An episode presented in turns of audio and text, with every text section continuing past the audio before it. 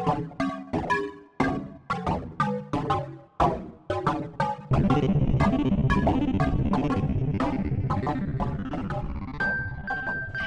och hjärtligt välkommen till Sveriges Unga Akademis podcast. En tvärvetenskaplig podcast som uppstår då och då. Och alltid med Sveriges Unga Akademis ledamöter. Och idag så har vi med oss Steffi Burchardt. Hej Steffi! Hej! Du har ju medverkat förut men du får gärna kort presentera vad du forskar om. Ja, jag eh, är vulkanforskare på Uppsala universitet och jag som sagt har varit med förut och pratat om det ena och det andra. ja, fältstudier bland annat. Ja. Och superhjältar. Och coronajobb. Ja. Uh, Christian Åhm, hej! Tjena! Tja! uh, vad, vad forskar du om? Jag forskar i experimentell partikelfysik. Så jag försöker förstå vilka de allra minsta beståndsdelarna är som bygger upp allting i universum eh, och hur det är kopplat till de allra största sakerna som vi vet också. Eh, precis. Och Jonas Olofsson. Hej hej! Hej! Vad har du kon på? Jag har, jag har kon på det mänskliga doftsinnet, så det är mitt forskningsområde. Eh, hur vi minns och uppfattar dofter, sinnesintryck. Ja. Mm. Det, doften har ju försvunnit här i pandemin som vi befinner oss i för en del. Mm. Precis, det visar sig vara ett av de starkaste symptomen. Vissa menar att det är det enskilt tydligaste symptomet på covid-19 att man har ett försvunnet, förlorat doftsinne. Så om man har det så är det bra att isolera sig själv om man plötsligt förlorar doft och smaksinnet så att maten inte smakar längre. Då, då kan det vara corona. Ja, har någon av er haft corona? Inte Nej, jag. jag tror inte det. Nej, inte jag heller vad jag vet. Ja, jag har, har haft den och just med de symptomen, det var väldigt uttalat. Mm. Mm. Nu mår du bättre? Oh ja, det gör jag. Nu kan jag träna igen faktiskt. Ja, vad skönt. Skönt, skönt att höra. Ja, vilken vilken det kommer, övergång! det kommer segway efter segway här. Det kanske är den långa isoleringen som gör att man känner sig extra spirituell. Jag vet inte. Vad heter det? Jo, vi skulle ju prata om träning. Och hur kom det sig egentligen, det här uppslaget? Jag tror att det var på mötet i februari som... Eh, kan det stämma? Det kan stämma, men jag minns inte hur vi kom på det.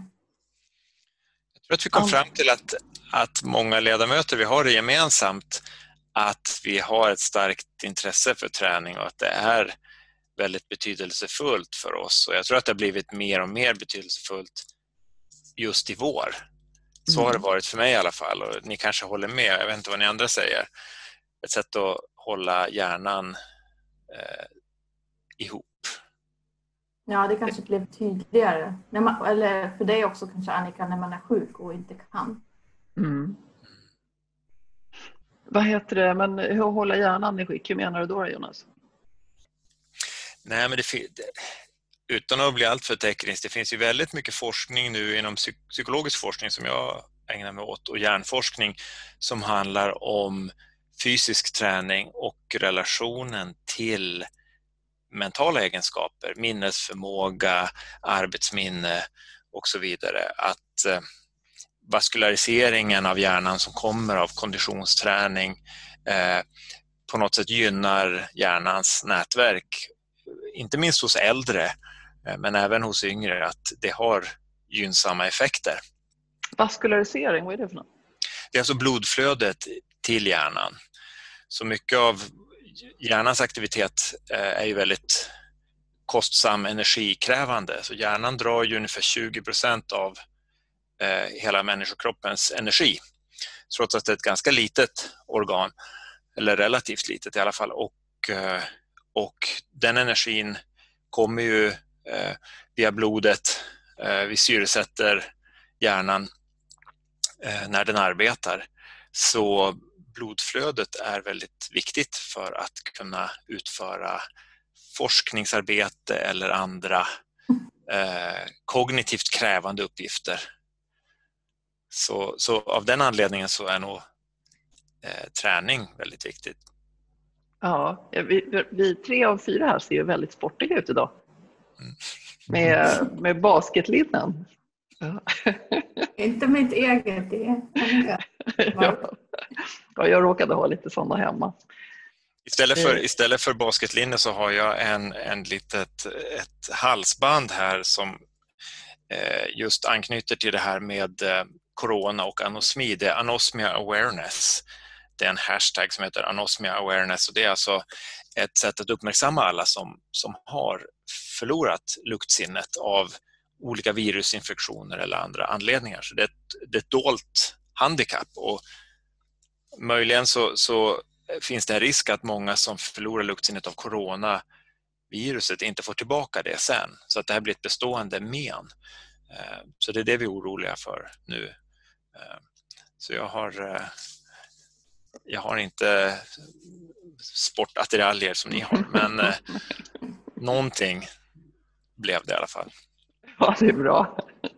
Christian, då, hur kommer det sig att du har basketlinne? Eh, ja, jag, vi, vi spelar in det här via Zoom nu och då har vi videon påslagen och då såg jag ju att både Annika och Steffi eh, var fullt kittade i, i basket, eh, basketutstyrsel. Och eh, det finns ingen brist på sånt eh, hemma hos mig där jag sitter. Eh, så jag sprang helt enkelt bort till, till, till garderoben och rafsade åt mig ett par stycken. Så jag har faktiskt flera lager basketlinnen på mig. Så grymt! Det var ju förresten en coronautmaning som några kända amerikanska basketspelare gjorde nu att de eh, hade massor med lagerkläder på sig och tog av sig plagg för plagg och skulle träffa i en, i en tvättkorg och sen för varje poäng då så skänkte de pengar till något mm. välgörande ändamål här. Ja. Mm. Man får hitta sätt att underhålla sig på när man är inlåst. Ja. ja. Det var flera sådana fysiska utmaningar, coronautmaningar. Ja. Handstående och handstående ta av sig brallorna och sånt. Så här, träningsbrallor, inte liksom helt vanligt. Nej. Vad heter Jonas, vad tränar du för något då? Ja, jag har snöat in på triathlon. Mm -hmm. Så det är egentligen tre sporter i, i en. Eh, och det är alltså simning, cykling och löpning.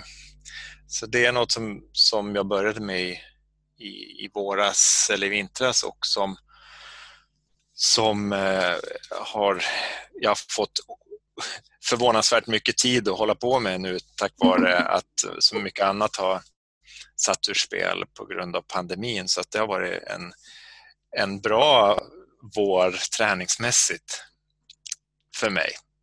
Hur har du sparat tid då? För att, mm. ja. Mm.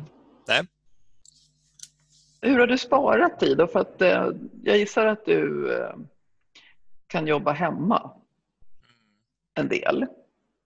Precis. Det är ju det är bra med individuella idrotter att man kan, eh, man, man, kan göra det precis när man själv vill. Eh, och, så det, det passar bra för mig och det var något, jag, jag höll på mycket med lagidrott när jag var yngre men delvis tror jag på grund av att eh, forsk alltså att vara forskare är ju en väldigt tidskrävande sysselsättning. Så jag tror att delvis därför så gick jag över till mer individuella idrotter eh, när jag började doktorera och har fortsatt med det. Och eh, nu när liksom all, all ens schemaläggning har blivit omkullkastad så då får man ta den tid, de utrymmena i vardagen liksom, när, när, det, när det ges ut och ta en springtur, ut och simma, ut och cykla. Eh, det är ganska flexibelt och man kan alltid göra någonting. Liksom. Så det passar ja. bra för mig. Steffi, vad tränar du? Jag tränar styrketräning. Det har jag, jag hållit på med sedan kanske sex år tillbaka.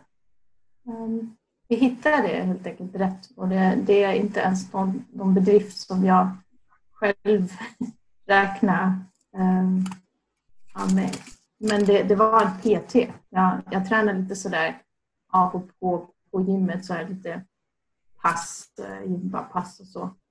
För jag kände att jag behövde göra något. Ehm, och det hade jag gjort sedan jag var doktorand. För jag har aldrig tränat lagidrott. Jag, jag var den tjejen i skolan som man valde in sist i laget. Eh, och jag tyckte inte om eh, sport överhuvudtaget eh, i skolan. Och ja, sen eh, på, eh, ja, när jag pluggade på universitetet så, så märkte jag att nu har jag inga idrottslektioner längre. Så blir konditionen sämre och sämre och jag behöver faktiskt göra någonting eh, för att ja, springa av med stressen. Så jag började när jag fyllde 25 började jag springa på egen hand i skogen. Och målet var att kunna springa utan att gå i en halvtimme. Så Bra mål! Och sen blev det lite sådär gympa på universitetsgym och, och det fortsatte jag med av och löpning och så. Tills jag en dag tänkte nej, jag får inga resultat. Eh, så då bokade jag ett PT-pass. Ja, och hon sa men du ska styrketräna. Och jag tänkte nej. men eh, så småningom så fastnade jag för det och har kört det. Ehm, med ett litet uppehåll under hösten. För jag eh, fick en liten dotter. Ehm, då hade jag ett litet, litet uppehåll. Men började igen på faktiskt ja, första januari. Är sju veckor efter förlossning och har kört och sen blev det corona. Ja, då får du träna med Tilda hemma då som din dotter. Ja, precis. Nej, men det, det var där de stängde alla gym och så och det var allmänt så här oklart om, man, om det överhuvudtaget är bra att gå någonstans och träna. Då stängde mitt gym och då kom jag av mig lite. Men jag mådde dåligt av det, jag. Mm. Så jag fick ju ont i ryggen som man kan få när man har ett litet barn som man släpper runt på. Ehm, och mådde också så här, ingen ork och trött och liksom mentalt dåligt av att mm. Så efter påsk då eh, tecknade jag ett nytt gymkort på ett litet, litet kvinnogym där jag kan ta med min dotter. Oh, vad fint. Jag behöver vara med folk. Ah. Mm. Och sen dess har jag kört järnet igen. Härligt. Ja. Christian då? Din Just det. Ja, jag har fortfarande bilden av att jag spelar väldigt mycket basket i mitt huvud. Eh, men det gör jag inte längre. Men det, men det har nog eh, fortfarande är det en del av min identitet tror jag. Att jag tänker mig att jag spelar basket. Jag spelade jättemycket basket när jag växte upp. Så från mellanstadieåldern eh, och egentligen upp genom hela gymnasiet och även eh, när jag pluggade i Linköping på universitetet så spelade jag väldigt mycket basket. Ehm, sen har jag styrketränat en del i perioder eh, men inte, inte så mycket av den varan nu heller, någon gång ibland. Och, och ibland så tar jag lite joggingrundor för att rensa huvudet. Så Men jag har aldrig varit något jättefan av att springa långdistans. Eh, men jag tycker att det kan vara ganska, det känns ju väldigt skönt efteråt eh, känner jag. Eh, så det är väl mina huvudaktiviteter. Ja, när du spelade i Linköping, hade, var det i, universitetets regi eller? Nej, det var i KFUM Linköping så vi spelade i division 2 där. Och det var ju många som hade spelat seriöst och satsat när de hade varit kanske i högstadie och gymnasieåldern och som sen bestämde sig för att, att, plugga och flyttade iväg till något annat ställe men ville ha kvar det som en, som en hobby. Så det var på en ganska lagom nivå tyckte jag då. Vi tränade tre gånger i veckan och det var inte hela världen om man missade någon match och sen så spelade vi i, i division 2 då, som täckte ett område eh, ja, det var ut till Gotland och upp till Falun och sådär. Så det var lite roliga bortamatcher när vi åkte iväg med lagbussen också. Ibland stannade vi kvar över helgen och, och träffade några andra kompisar där och hade trevligt med också. Eh, men för mig har det alltid varit en väldigt stor och viktig social, eh, eh, liksom ett annat sammanhang än jobb och plugg. Eh, Och det har jag alltid känt har varit som en viktig outlet på något sätt och ett ställe där man kan koppla bort vissa delar av hjärnan och använda andra delar. Mm. Annars liksom på, i era respektive forskningsmiljöer, har ni några gemensamma idrottsaktiviteter där? Eller går ni och, och hejar på något lag? Eller? Vi har inte det, eh, utan det är helt på egen hand. Men, men jag minns, så när jag gjorde min postdoc i USA, i Chicago, så, så hade vi, det minns jag väldigt eh, med värme, det var den här eh, medical school i, på Northwestern där jag jobbade låg bredvid en park med tennisbanor. Så brukade vi gå ner på lunchen och spela tennis, jag och några kollegor och det blev liksom en fin eh, rutin liksom som, som ja, gjorde att man kom lite närmare kollegorna och, och eh, det, vi, eh, mitt, mitt, kanske mitt enda mitt enda eh, pris, idrottspris i vuxen ålder det är att vi vann turneringen på Northwestern University, eh, dubbeltennisturneringen. Så det var en, en mycket blygsam ära, men det var väldigt roligt att hålla på. Så jag önskar att vi hade mer sånt i Sverige. Ja, man, eh, det kanske är min eh, fördom bara, men jag inbillar mig att eh, idrotten och fysisk aktivitet eh, ligger närmare universitetet generellt i universitetskulturen i USA. Absolut. Det skulle jag kunna säga också. Där, där, är det ju väldigt nära knutet och även på tidigare nivåer att man spelar, spelar man till exempel basket så spelar man ju det i skollaget. Och det är det som är den för, det första sportsammanhanget som man har. Eh, Eh, så jag var utbytesstudent i USA i ett år i gymnasiet och då blev det jättetydligt vilken kontrast det är där, där allting och många fritidsaktiviteter hänger ihop med skolan där medan hemma så, så har man på gott och ont olika sammanhang. Man spelar i ett klubblag eh, och sen så går man i skolan eh, och, och det kan ju vara jättebra att kunna vara olika personer och ha olika sammanhang. Men man tappar ju mycket av det här som de är väldigt duktiga på att få till den här school spirit ehm, som verkligen gör att det blir mycket mer publik och mycket mer uppståndelse och, och uppmärksamhet kring idrottandet. Ehm, precis, och sen har de väl en, en, annan koppling i och med att det kostar att gå på universiteten i USA ehm, som det inte gör i Sverige. Och att man, om man är duktig på sport så kan man ju få det gratis då, man får stipendier. Så det är en viktig ingrediens tror jag för att skapa det systemet. Idrottsstipendier, ja. Precis. Det var något som vi pratade om när vi hade SUA-möte på Handelshögskolan och pratade med Lars Strannegård, rektorn där, som tog upp just den amerikanska universitetskulturen med idrotten som ett sätt att skapa en värdegemenskap eh, på universitetet och en laganda och ja, inskärpa olika typer av värden. Där har liksom idrotten en enande funktion och någon typ av varumärkesbyggande kanske effekt som kan vara ganska positiv.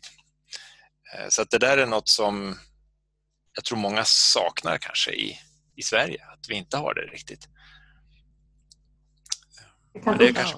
spontant eh, ibland. För ja, jag, vi har inte direkt sånt på min institution, men det finns väldigt många som är löpintresserade och vi har faktiskt några väldigt, väldigt duktiga eh, långdistanslöpare som, som eh, springer på elitnivå i Sverige. En som vann eh, Vasaloppet, den här sommarloppet och springer i landslaget.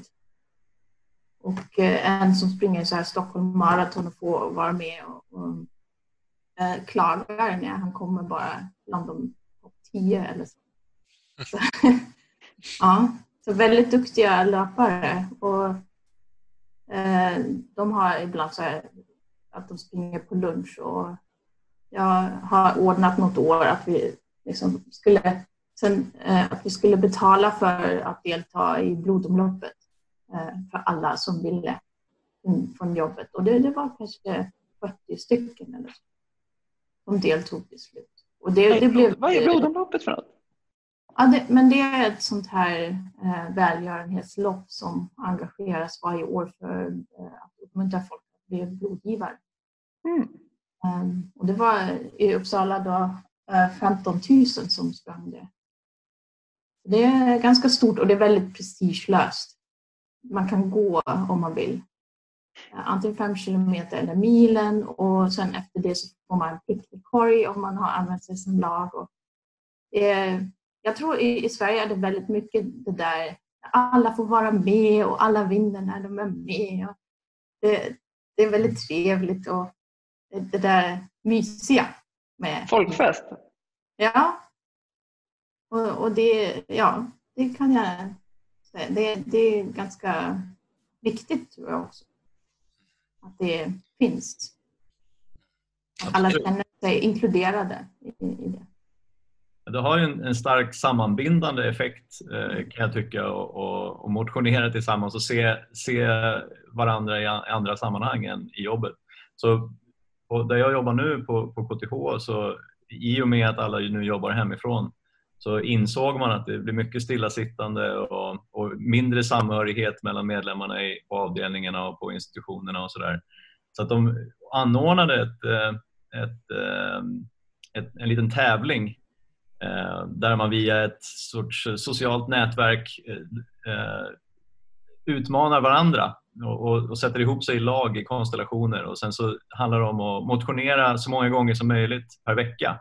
Och så rapporterar man det där och peppar varandra och lägger upp bilder och videoklipp och sådär. Oh. Eh, och det har varit superroligt och det har gjort, tycker jag, att jag har lärt känna vissa av mina kollegor mycket bättre än vad jag har gjort innan, eh, även fast vi inte ses. Eh, så det, det, har nog absolut ett, ett värde som vi skulle kunna ta med oss även när saker så småningom återgår till det normala. Ja, när du var liten Steffi så sa du att du var ingen, du trivdes inte så bra med skolidrotten.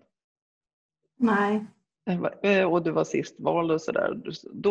Det måste ju du ha upplevt som exkluderande då. Så då fick ju du ja. Det kände jag. Kunde inte du få ta del av det, de här positiva effekt, hälsoeffekterna av eh, att röra på sig? Nej, och det, det var nog ingenting jag uppmuntrades till av mina föräldrar. man, man, eh, det, det, är inte som i Sverige att alla liksom provar på någon lagsport någon gång eller att det, man har fotbollsföräldrar och, och så. Det, det var helt enkelt inte så. Så jag, det, var, det var i Tyskland, eller hur? Det var i Tyskland. Alltså det, jag mådde dåligt efter idrottslektioner. Jag gick hem och mådde skit. De blir ofta väldigt laddade för många, vad jag förstår, idrottslektionerna. Ja. Har ni någon ja. erfarenhet av det, Jonas och Christian? Nej, men det var ju lite av, det var ju väldigt mycket prestige i att vara bra i idrott. Ehm, när man var särskilt på högstadiet och sådär. Jag minns att det var någon Alltså det, det, var det, man skulle inte vara en plugghäst, åtminstone inte på den skolan där jag gick, men man skulle gärna vara bra i idrott. Och jag minns att den tuffaste tjejen i klassen vid något tillfälle sa till mig att ja, du är ju Jonas, du är lite av en plugghäst men du är ju ändå ganska bra i fotboll så det, det är ändå liksom okej okay då. Så att eh, jag klarar mig på något sätt. Eh. Hur kändes det då? ja, det var, det var ju lite så det var på den tiden, alltså att man skulle inte vara en plugghäst.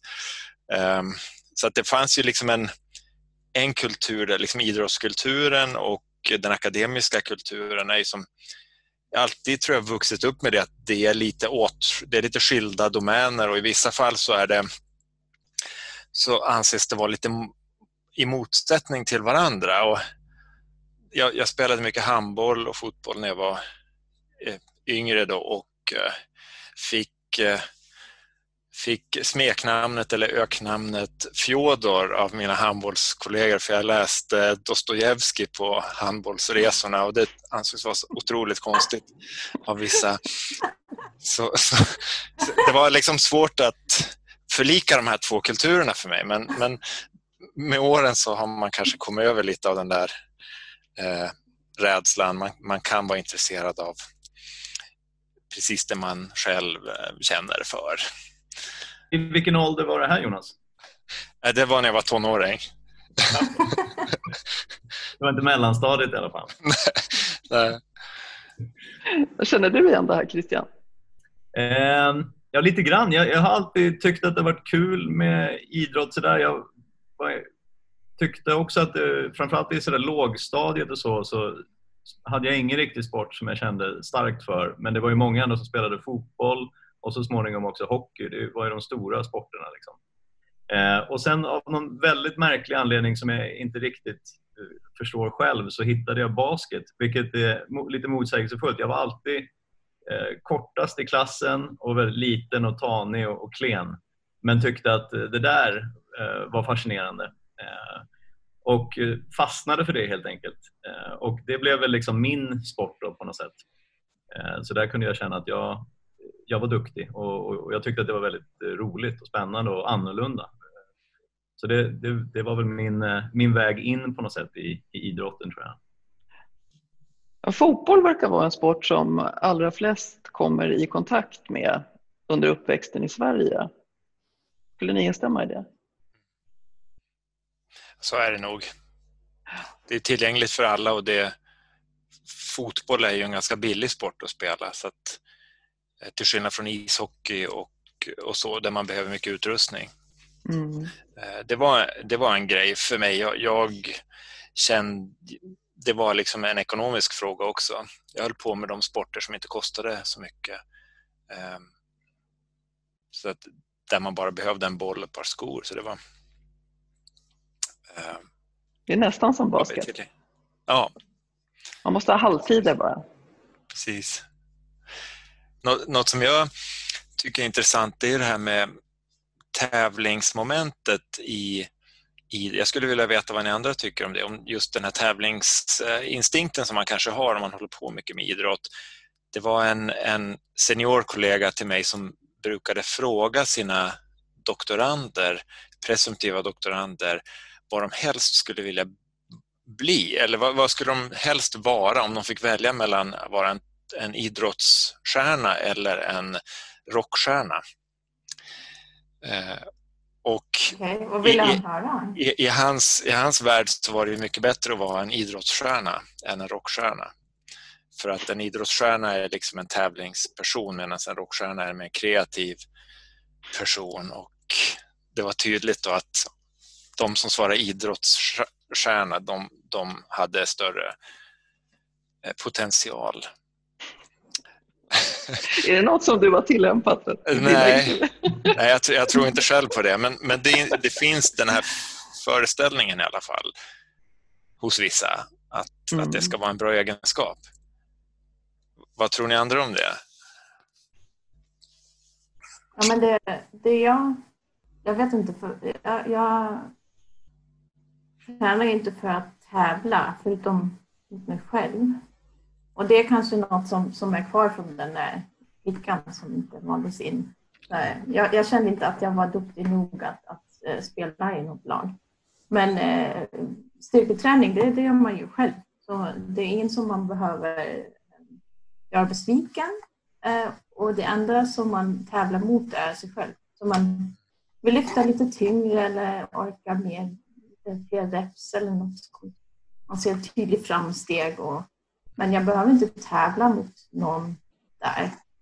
Men eh, det finns ju en viss tävlingsdimension i, i eh, forskningen. Där konkurrerar vi ju alla om pengar och man måste vara duktig och man måste vara bäst på, på saker. Eller i alla fall tro på det ibland. Um, så ja, det, det, finns nog i mig, men kommer inte riktigt ut när jag tränar. Nej, vad heter det? Jag tror du att din eh, forskarnatur, om man säger, har du glädje av den i din träning? Systematik eller uppföljning eller? Eh? Ja, jag, jag har ju min eh, lilla anteckningsbok och jag har fyllt flera sådana sedan jag började styrketräna, så jag, jag antecknar allting och eh, har ganska mycket glädje av det. Jag vet inte, jag dokumenterar, jag, jag gillar data. Det är som mina fältböcker. Ja, data är mysigt, det är sant. Ja, ja, um, så, så det, det systematiska, det, det med disciplinen, det, där finns det ganska många paralleller mellan forskning och eh, träning. Ja, jättemycket egentligen. Jag kan tänka på det när man ser... Att man långsiktigt jobbar på någonting. Det är inte resultat idag, inte resultat imorgon, kanske resultat om ett månader. Det, där ser jag parallellt. Det måste vara en oerhörd styrka på gymmet faktiskt. Ja, om du går det är det tålamodet som gör att En, en gång så, så har du inga resultat bara, bara massor med träningsverk. Ja, det är som jag bad min son att försöka promenera lite grann och komma igång. Och så sa han, jag gjorde det igår, det hjälpte inte. ja. Det är svårt med det där att se saker på sikt liksom. Ja. När jag tänkt tillbaka på lite grann, vi håller ju på, det kan vi kanske plugga för lite snabbt, vi håller ju på med ett, eh, ett barnboksprojekt eh, och funderar lite grann på hur forskare har Vi gör reklam överallt Christian. Precis. och, och, där vi funderar på att prata med forskare också om hur de var som barn och sådär. Och då har jag tänkt tillbaka själv. Och då, då har jag, även om det säkert är lite liksom en, eh, en efterkonstruktion så inbillar jag mig att eh, det här stora intresset för hur man skulle kunna lyckas sätta bollen i korgen och hur man kunde spela precis som de här Eh, stora stjärnorna som, eh, som man såg på TV eh, gjorde och liksom verkligen titta på detaljer och prova olika små förbättringar och se vad som händer. Så tänker jag mig att det eh, sådde någon sorts frö för, för liksom själva utvecklingen av den vetenskapliga metoden i mitt, i mitt huvud i alla fall. Eh, jag, jag kommer så tydligt ihåg, det var väl när jag var 11-12 år så kom jag i kontakt med just den amerikanska proffsligan i basket för första gången. Och Det var ju på den här tiden eh, när inte allt fanns, jag vet inte hur många yngre lyssnare vi har riktigt, men eh, på den tiden när inte allt fanns eh, lika lätt tillgängligt på, på internet. Utan det var min farfar som hade Screensport på kabel-tv och en video som man kunde programmera för att spela in mitt i natten. Eh, och, och, spelade in på VHS och sen satt jag och liksom tittade i slow motion precis på hur de här stora stjärnorna, exakt hur de sköt, hur de dribblade, hur de rörde sig och försökte mitt allra bästa att härma. Eh, och det, det, tänker jag mig ändå har eh, klara fördelar att ha tränat sig och, och leta efter detaljer och, och, göra små förändringar och titta på vad händer om man ändrar det här och vad händer om man ändrar det här. Mm. Som jag kan koppla till eh, hur jag beter mig som forskare idag. Ja, det är klockrent. Det, det sa, om det går ju en eh, dokumentär nu på Netflix som heter Last Dance. Som, ja, Christian, du kanske kan beskriva vad den? ja, det, det, handlar ju om eh, eh ett av, precis, det är ett av de största lagen precis under den tidseran där i, under 90-talet i den amerikanska proffsligan NBA eh, och Chicago Bulls då, med den stora fixstjärnan eh, Michael Jordan som, eh, som är huvudkaraktären i den här dokumentärserien. Och det är ingen kort dokumentär utan det är ju tio timmars långa avsnitt Eh, och det finns material och det, för mig blir det i alla fall aldrig tråkigt. Men eh, även min, min sambo som inte är speciellt basketintresserad har tyckt att det har varit superspännande att, att följa. Eh, men det, det, visar ju att det krävs ju verkligen en eh, speciell sorts hjärna och speciell sorts person och bestämdhet och eh, en, man måste kompromissa med många andra saker för att bli så pass framstående och dominerande som, som han var. Ehm, det låter som forskning som du beskriver det. Vad sa du? Det låter som forskning. Eller ja, jag tror att det finns eh, många paralleller. Det, ingenting kommer gratis, eh, varken i sportvärlden eller i forskningsvärlden. Och ju mer tid man lägger och ju mer bestämd man är såklart, eh, desto bättre chanser har man. Jag, jag, tror det finns jättemycket i det att, att just idrott är en typ av modell för både för self-improvement, alltså att man utvecklar sig själv, men också hur ett lag fungerar som de som håller på med lagidrott kan känna igen sig i. Och jag tänkte också på det när jag såg den här serien, att det är lite... Alltså det var ju inte bara Jordan som... Det var han som stod i centrum, men vad hade han varit utan Scottie Pippen och Dennis Rodman och de här som hade helt andra roller och, och också ganska annorlunda personligheter, men som och så är det lite grann i en, en, en forskargrupp också, tänker jag. Att någon, någon, alla behöver inte vara jättebra på att skriva ansökningar och alla behöver inte vara jättebra på de senaste eh, analysmetoderna. Men om någon är det, någon är bra på alla de här viktiga eh, grejerna och man kan jobba ihop på ett bra sätt, då kan man ju uträtta väldigt mycket. Så att få ihop ett sånt lag, det, det finns många likheter där tror jag. Ja, jag tycker, jag tycker att han, eh, Michael Jordan var en så bra spelare så att det var som en egen sport. Jag vet inte i andra idrotter vem man kan jämföra med, Ronaldo i fotboll kanske.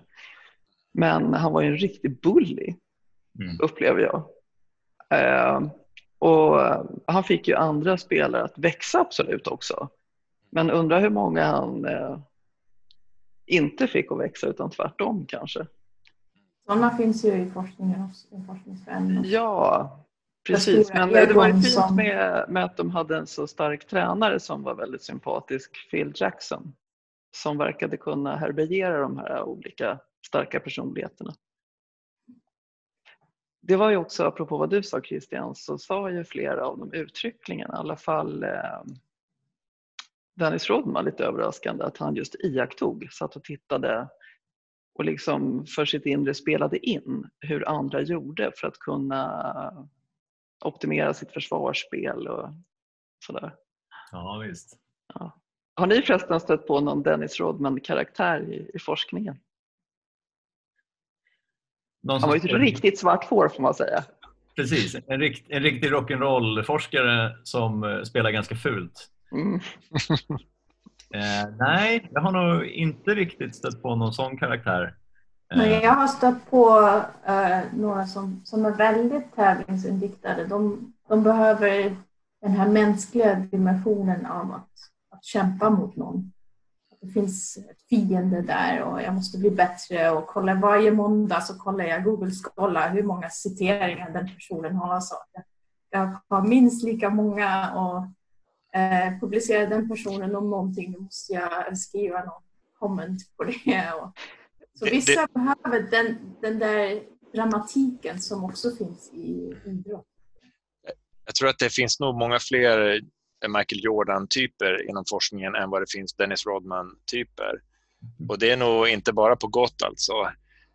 De här vildhjärnorna, det, det, det är många som klagar på det, att de här vilda genierna liksom inte inte eh, riktigt har någon plats. Man måste göra karriär på ett visst sätt i många discipliner. Man måste få de rätta publiceringarna och sådär. Och, och, och så, en sån som Michael Jordan var oerhört disciplinerad och kompetitiv och har laserfokus hela tiden. Det, det, är en typ som man känner igen i forskarvärlden medan Dennis Rodman-typer de kanske inte väljer forskarkarriären överhuvudtaget. Nej, eller de känner inte att det är för dem kanske. Nej. Att vara rebell och forskare är på något sätt svårt att förena. Mm. Mm. Ja. Skulle, man, skulle vi behöva vildhjärnor? Jag tror det. Jag tror det. Det, ja. det, det är på något sätt, eh, jag tror att varje system liksom riskerar att stagnera om man bara drar, om man bara attraherar en begränsad typ av personlighet. Och det behövs folk som tänker väldigt annorlunda och som kan ompröva premisserna för verksamheten. Men det kan också vara skadligt om... Alltså man, kan inte bygga, man kan inte bygga ett lag kring att alla ska vara som Dennis Rodman. det, skulle, det skulle bli ett jättedåligt lag. Ja, kanske ett psykologiexperiment kanske skulle vara intressant. Ja. Men, men en i varje lag, en i varje forskargrupp tror jag är bra. Det beror på vilken, vilken roll de får ha eh, och hur mycket makt man ger. Mm. Ja. Man har tränare som håller koll på dem. Som eh, ser till att de inte förstör för andra. Jag håller koll på dem, ja. Ja, men eh, annars så kan det lätt, om, om de sitter på högst upp i, i hierarkin så kan det lätt gå fel. Att de förstör för andra. Mm. Och det, det, finns ju i, i forskarvärlden också att eh, en viss personlighetstyp som har väldigt vassa armbågar lätt jobbar upp sig och, och sen liksom gå över lik och att, att den här tävlingen tar över. Att det, det handlar inte om, om kunskap, det handlar inte om att förbättra världen. Nej, det handlar om att bli bättre än alla andra. Mm. Att förskansa sig på en position högt upp i tornet. Mm. Vi, vi hade en, på tal om det här med tävlings eh, att, att forskare är väldigt tävlingsorienterade ofta. Vi, hade, vi har en så kallad stegtävling på, på institutionen varje år.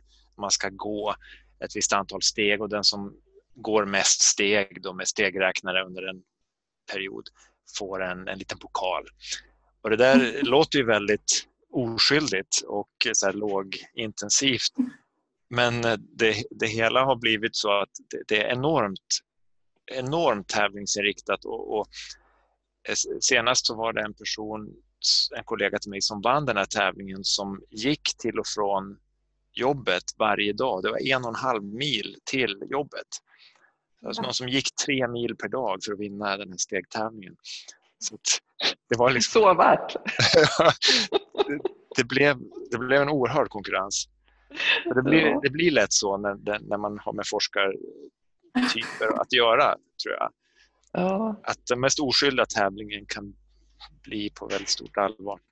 Ja, vi nördar gärna in oss i saker. Mm. Faktiskt.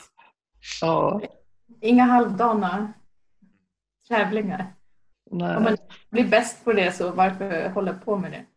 Ja, jag tänkte på det, föreningsidrotten och fotbollen som vi pratade om tidigare är ju väldigt eh, utbredd i Sverige. Det är ju, eh, tror ni att idrotten skulle gagnas av att ha mer kontakt med skolan och i förlängningen med forskningen? Till exempel så att kloka barn som tycker om skolan inte ska behöva ligga lågt med det. Eller att man vågar läsa Dostojevskij och det är ganska coolt när man åker på basketläger ja. eller fotbollsläger. Mm. Om man hade en integrerat, det finns väl vissa tendenser att man försöker få in mer idrott i skolan och att det hjälper med att barnen fokuserar bättre, de får bättre resultat. De som är lite stökiga, de eh, orkar sitta stilla längre. Att just det här konceptet att fysisk aktivitet gynnar inlärning. Jag tycker det, det borde integreras mer i skolan. Ehm, och att man ser det som en, inte som Jonas, antingen är du plugghäst eller så är du bra på sport. Eh, att eh, du, ska, du ska röra på dig, och då, då blir du så bättre i skolan. Att man ser det, det här inte som två motsatta poler. Men... Mm. Det, det, som är fallet med skolan, det är, det är lätt att det är många som säger att vi ska ha mer idrott eller mer av olika saker. Och det är ingen som vill ta bort någonting. Man vill ju ogärna ta bort en mattelektion om man ska ha mer idrottslektioner till exempel. Så det, det, det är svårt att, det är svårt att eh, liksom planera ett schema vad som är optimalt. Det, det Nej, tycker jag är svårt. Förslaget var väl att, att eh, påbörja dagen med någon mm. form av mm. motion och sen liksom bygga upp dagen på ett annat sätt. Mm. Så att det inte blir som ett... Sporten är alltid grädde på mosen. Det är lika mm. utanför allt, allt det som mm. Inlärning i hjärnan. Att man mm. tar det inte som en kontrast, men det, man, man lär barnen att du, du måste ha det ena och det andra det finns, det finns forskning som indikerar att just bland äldre i alla fall, att, att eh, motion, just när man vaskulariserar hjärnan, att det gör hjärnan mer mottaglig för, för inlärning, då, liksom intellektuell verksamhet. Så det, det, det kan nog ligga någonting i det, tror jag. Men jag tror, jag tror också en, en annan aspekt av det som du tar upp, Annika, med kultur, alltså akademisk kultur kontra idrottskultur. Att jag hoppas att det kan förändras lite grann för idrott har ju blivit så mycket i vetenskaplig fokus. Det finns ju väldigt mycket forskning om idrott och prestation alltså fysisk prestation är något som har blivit väldigt hett inom fysiologi, näringsvetenskap, inom psykologi och många discipliner där liksom idrott har blivit en väldigt, väldigt eh, viktigt område att studera. Och då kanske det blir så att sportintresserade killar och tjejer redan i skolan kan ta med sig ett mer intellektuellt förhållningssätt till sin sport. Det skulle ju vara en, en det skulle vara trevligt. Tycker jag. Ja, verkligen. Ja. I, I, USA finns det mycket skrivet om särskilt baseball och, och, som är oerhört mycket vetenskapliga studier kring, men även basket. Eh, de amerikanska sporterna är ju mer så att säga, under forskarnas lupp. Eh, fotboll, det kom en intressant bok om hjärnan och fotbollsspelare från forskare på Karolinska institutet för ett par år sedan som var väldigt intressant tyckte jag. Vad handlar den om då? Vilken aspekt? Ja, liksom? ja det, det handlar om eh, de har testat eh, psykologiska kognitiva förmågor hos elitfotbollsspelare och funnit att, att duktiga fotbollsspelare har extremt hög de, är hög, de har väldigt hög så att säga, mental kapacitet, eh, arbetsminne, exekutiva för, förmågor. Så de, de presterar enormt bra. Eh, så att de vill så att säga eh, krossa den här myten om att eh, fotbollsspelare ska vara lite smådumma. Eh, det, det, stämmer inte, utan fotbollsspelare är ofta väldigt eh, smarta. Ja. Vad säger du Christian, är basketspelare smarta? Um, jag tror att det är generellt för atleter. Det här. Ja, precis. Det finns väl lite av varje, eh, som i många sporter tänker jag. Ja. Ehm, men men eh, jag tänker också på det här med lagidrott mot individuella idrotter på något sätt. Att, att för mig så tänker jag, jag jobbar i ett väldigt stort lag nu i min forskning vi, vi är ungefär 5000 personer som tillsammans jobbar på ett experiment under väldigt lång tid. Eh, och där tänker jag mig att jag har en fördel av att vara van att, att jobba i lag, även om de inte brukar vara så stora. Då. Eh, men för det är väldigt viktigt och, det kommer jag ihåg att jag, lär, jag, jag tränade ett lag med småtjejer när jag gick i gymnasiet. Och då, då blev det väldigt tydligt vad det var som funkade och, och vad det var som fick dem att faktiskt lyssna och vara motiverade och prova att göra precis vad, vad man sa. Och Det där kan jag känna eh, att jag lärde mig saker av redan då som, som fortfarande är användbara. Att man försöker vara liksom konstruktiv i sin feedback och försöker vara motiverande. Och Det finns det gott om exempel på forskare som inte är. Utan som är vi, vi, vi har ju tränat våra hjärnor på att hitta fel med våra resonemang och på andras resultat. och, sådär. och Det är lätt att det kan bli väldigt negativt. Och Om man kan eh, försöka formulera sin kritik på ett positivt sätt så, så brukar det eh, skapa mer engagemang. Eh, och det tänker jag eh, är någonting som i alla fall i mitt forskningsområde inte alltid beaktas lika mycket som det borde.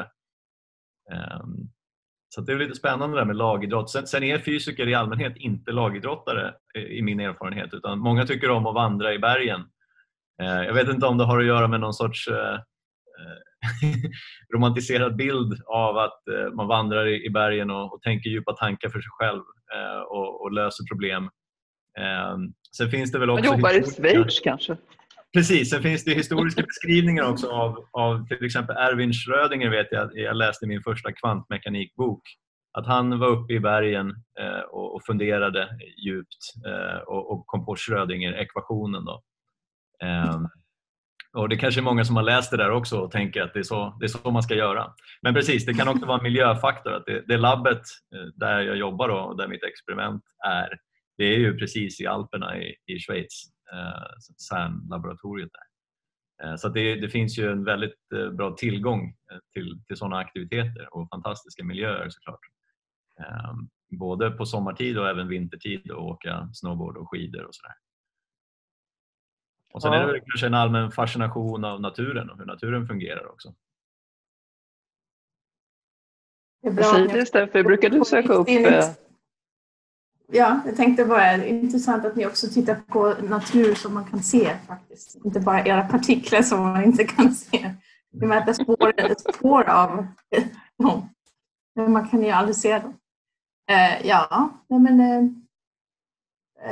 geovetare är allmänt liksom bland naturvetarna kända för att vara de mer sociala. Eh, och jag vet inte varför det är så, men vi hade de bästa festerna på universitetet. Det var känt. Ehm, men eh, ja, man åker ut mycket på fältresor och då är det viktigt att man, att man kan hantera olika personligheter. För det är det bästa teambuildingen man kan, man kan egentligen göra, åka på fältarbete. Du, du lär känna folk på ett sätt som du inte skulle göra eh, om, om du jobbar med dem flera år på kontoret. Du, lär, du ser om de är organiserade, hur de hanterar motgångar, hur de hanterar när det är obekvämt och kallt och regnigt och så.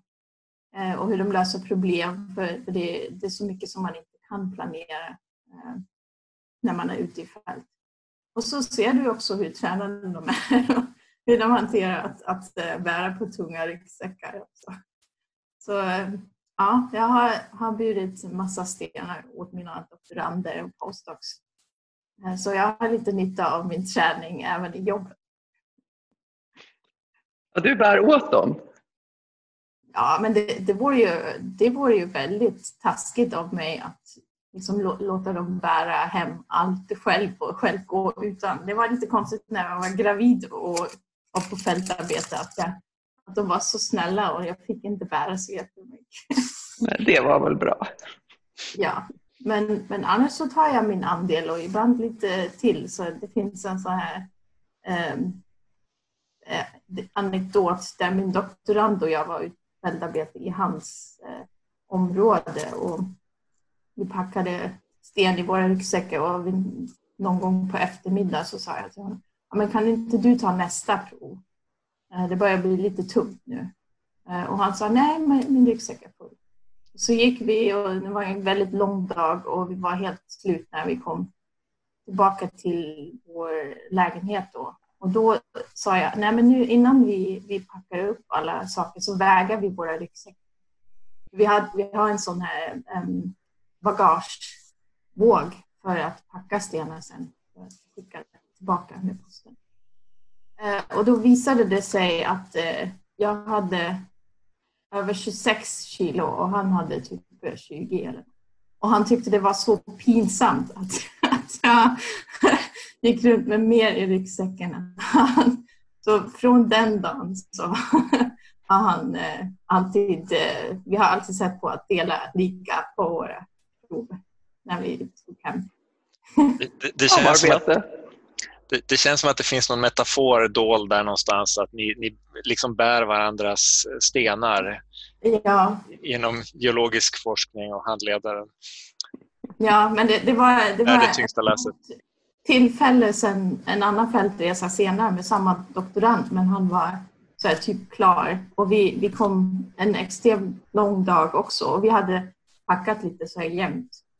Och så gick vi vilse, eller inte riktigt vilse, men det tog två timmar längre att komma tillbaka till bilen än vi trodde. Så vi var extremt trötta. Så kom vi tillbaka till vår eh, lägenhet där, till de andra. Och, och, så vägde vi våra ryggsäckar. Och vi hade exakt likadant, lika tunga ryggsäckar. Så, så då efter flera år så hade vi blivit så pass inspelda som ett lag. Så exakt lika mycket. Kalibrerade? Ja. Mm. En annan sak som jag tänkte på apropå ja. att eh, det här tyvärr träning. gå snart. Annika. När ska du gå? Eh, jag har ett annat Zoom-möte kvar, eh, halv. Så, halv? Ja. ja. Men då ska vi strax runda av. Eh, vad heter det? Jo, eh, man mäter i amerikansk basket, jag sett, det gör man säkert i andra idrotter också, men det är den som jag har följt. Att det finns statistik på precis allt. Och när man tittar på eh, matcher på tv så kan de säga att nu var han den första som satte två mål på det här viset i tredje halvlek eller i, i tredje perioden i den här hallen. Eh, jag blir så fascinerad av det statistikbatteriet. Har du tänkt på det Christian? Jo, absolut. De är ju otroligt fixerade vid eh, individuell statistik i lagsporter i USA. Eh, Och eh, jag håller med, man blir förbluffad över vad de håller ordning på. Jag blir också nyfiken på vad kommentatorerna har för system för att mm. bli, bli uppmärksammade på när de här eh, rekorden som kan låta ganska bizarra på något sätt uppnås eller, eller slås, slås av, av, av nya bedrifter. Um, men, men eh, det är ju ett ganska kraftfullt verktyg eh, också. Och framförallt inom, tror jag, om man tar bland de amerikanska sporterna så är baseball, det, det tror jag är det mest extrema. Men där handlar det också på något sätt mer om, om individuella liksom, punkt, punkt, punktmässiga prestationer på något sätt. Att man gör någonting just i stunden, just då. Att det är en som slår i taget och en som kastar och sådär. Ja, gud, vilken press det måste sätta på spelarna, tänker man. Ja. Mm. Att eh, man vet att de här miljoner tittarna efter varje match ser både ens eh, ja, förtjänster och blundrar. Ja, verkligen. Ja, men en sak som, det finns en, eh, liksom ett, vad ska man säga, en blind spot i det här. Också för att de har ju, eh, spelarna inom basketen har läkare och eh, dietister och någon för styrketräning och någon för teknik och allt det här. Men eh, de kan inte psykisk ohälsa. Och det är ju en jättestor mm. del för, för oss alla. Liksom. Att man ska fungera där också. Och det är en eh, spelare nu som heter Kevin Love. Kommer du ihåg vad han spelar för Christian? Eh, jag vet inte vad han spelar nu. Han har ju spelat i Cleveland vet jag. Och han kanske har spelat i, i, i OKC, Oklahoma City också kanske. Ett, kanske att han är i Cleveland då. Men han eh, fick en panikångestattack för något år sedan eh, och kunde inte slutföra matchen. Och han förstod inte vad som hände honom och, och så kände han så starkt att han ville dölja det där och inte prata om det. Och det vart han så fascinerad med sig själv av varför han reagerade så där. För hade han eh, eh, stukat foten eller vad man nu gör så eh, hade han nog inte gjort så. Och han var också förbluffad över att de inte genast kastade fram eh, en massa experter inom området som kunde hjälpa honom med det här problemet. Liksom. Det tog lite tid men sen så fick han hjälp och kunde jobba med det där och han säger att det har gjort honom till en både helare människa och en mycket bättre och tryggare spelare. Det tycker jag var intressant. Vad tror ni om det? Jag tror att det är ett eh, liksom, psykologi inom elitidrott tror jag kommer att bli större och större. Det, det finns ju ofta liksom en typ av generell coaching, så mental träning och så prestations... Det har kommit mer och mer i, i eh, även i Sverige och, och internationellt. Men eh, jag tror att det finns fortfarande väldigt mycket tabun kring de här sakerna, i, särskilt i sporter som har en typ av machokultur där man ska liksom dölja sina sårbarheter och så. Ehm, man, man tränas inte i att prata om sina känslor eller problem och så. Och, det, där kan, det där kan bara slå bakut. Det kan explodera. Det finns, det finns ingen... Jag, jag tänkte på det när ni pratade om de normerna för hur en forskare ska vara inom olika ämnen.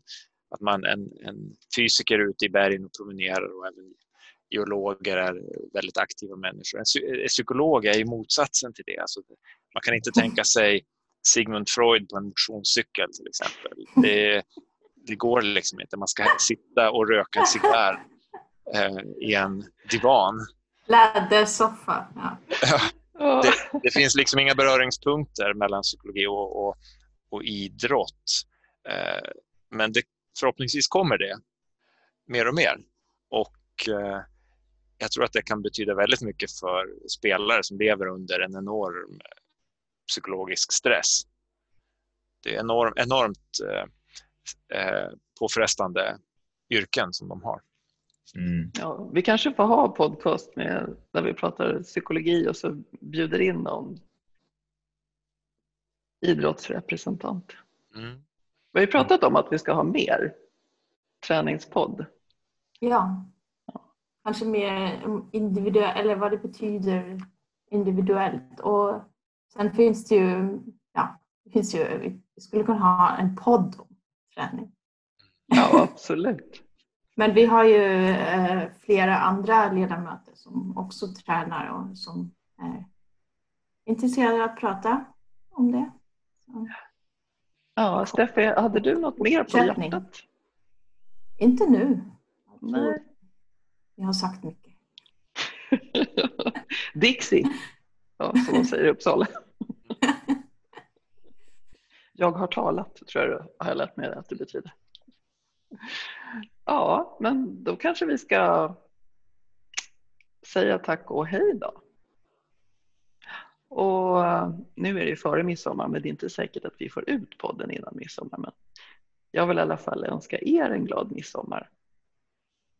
Och tack så hjärtligt alla som lyssnar.